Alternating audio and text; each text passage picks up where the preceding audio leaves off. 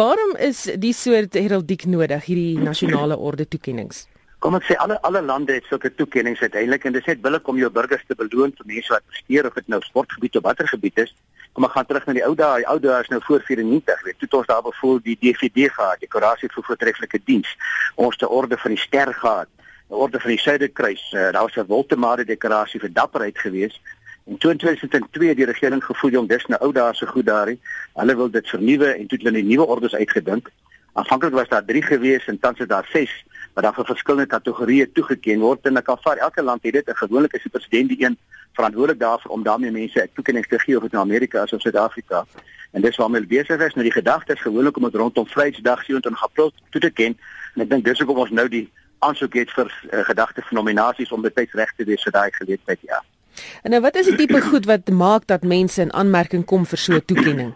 Jong mense het amper op 'n ry afvat een na die ander. Dis ingewikkelde name en alles, maar ek kom ek gee byvoorbeeld die ses ordes. Daar's die Ikamanga, jy weet die orde van Ikamanga. Dis vir kuns, letterkunde, musiek, sport, journalistiek. Ons kan jou nomineer daarvoor, ons kan hy Isak nomineer as jy wil vir journalistiek. Hmm. Interessant genoeg, jy mag nie jouself nomineer nie. En 'n staatsamptenaar mag ook genomineer word, maar vat byvoorbeeld hy's nou vir mense wat presteer in daai rigting. Iemand so Sandra Prinsloo dit gekry. Gary Player. Wyk van die kerk het een gekry. Andre Brink, Kaster Semenya en daardie klas. Dan vir 'n tweede groep wat hulle sê boop of die krematab, orde van krematab, dis meer vir gemeenskapsdiens. Mense wat presteer ekonomies of wetenskaplik of met media, daai soort van ding. Onlangs het regter Mogoro bevoordeeld een gekry. Dan die derde een is uh, Mapungumbe. Nou dis meer vir internasionale prestasies, mense wat nasionaal ook internasionaal presteer. Uh, ek weet interessant dat Tim Noakes wat nou in die moeilikheid het al een gekry het. So Lucky Sisulu het een gekry en ek weet Mandela en Ewe ook, dis op daai vlak. Uh, daar's 'n orde van Lutuli dis nie vir die stryd om demokrasie en is hoofsaaklik want die ANC se stryd rosse en ou mense wat geveg het daar. Ek dink nie ek kwalifiseer vir daai ene nie. En hulle word daar begin. En dan daar die Mendi wat vir dapperheid is wat nog hulle baie oulike een is. Iemand wat dapper is iemand wat verdrink het bevoor te onthou ek 'n kerstop wat ek toe gekry het omdat hy 'n bydrae gemaak het. En die sesde kategorie wat noem hulle dan die metgeselle van Tambo. Nou dis vir prominente buitelandse burgers wat iets gedoen het wat verdien val wat stryd teen rasisme of stryd teen wat. Dis 'n interessante een. Ek het probleme met daai een, maar dis maar my persoonlike ding. Dit word veral vir dooie mense gegee. Iemand soos uh, Martin Luther King het dit al ontvang. Hy's nie die 68 dood.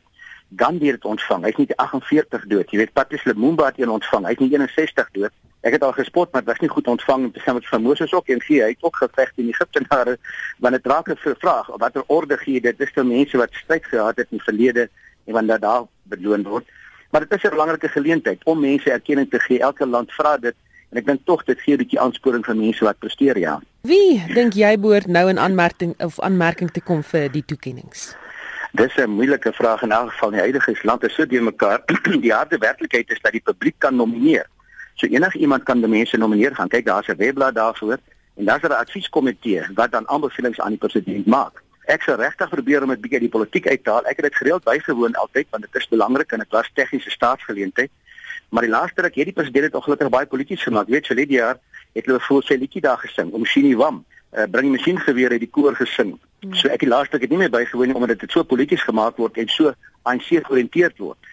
Ek dink as jy dit breed vat, vat mense so Sandra Prinsloo uit van die kerk en die wat dit gekry het dit kan alles Afrikaners mee saamstem en sê hierdie persoon presteer ongeag of jy aan hierdie party is of aan daardie party behoort en jy's nou vinnig op my as ek nou vinnig moet dink mens sal waarskynlik elke kategorie iemand kan uitdink wat nou presteer het en wat op daai kategorie dit moet kry en dit moet mense nou maar nomineer en kom ons kyk of hulle beloon word daardeur. Baie dankie dit was die parlementariër Dr Pieter Mulder.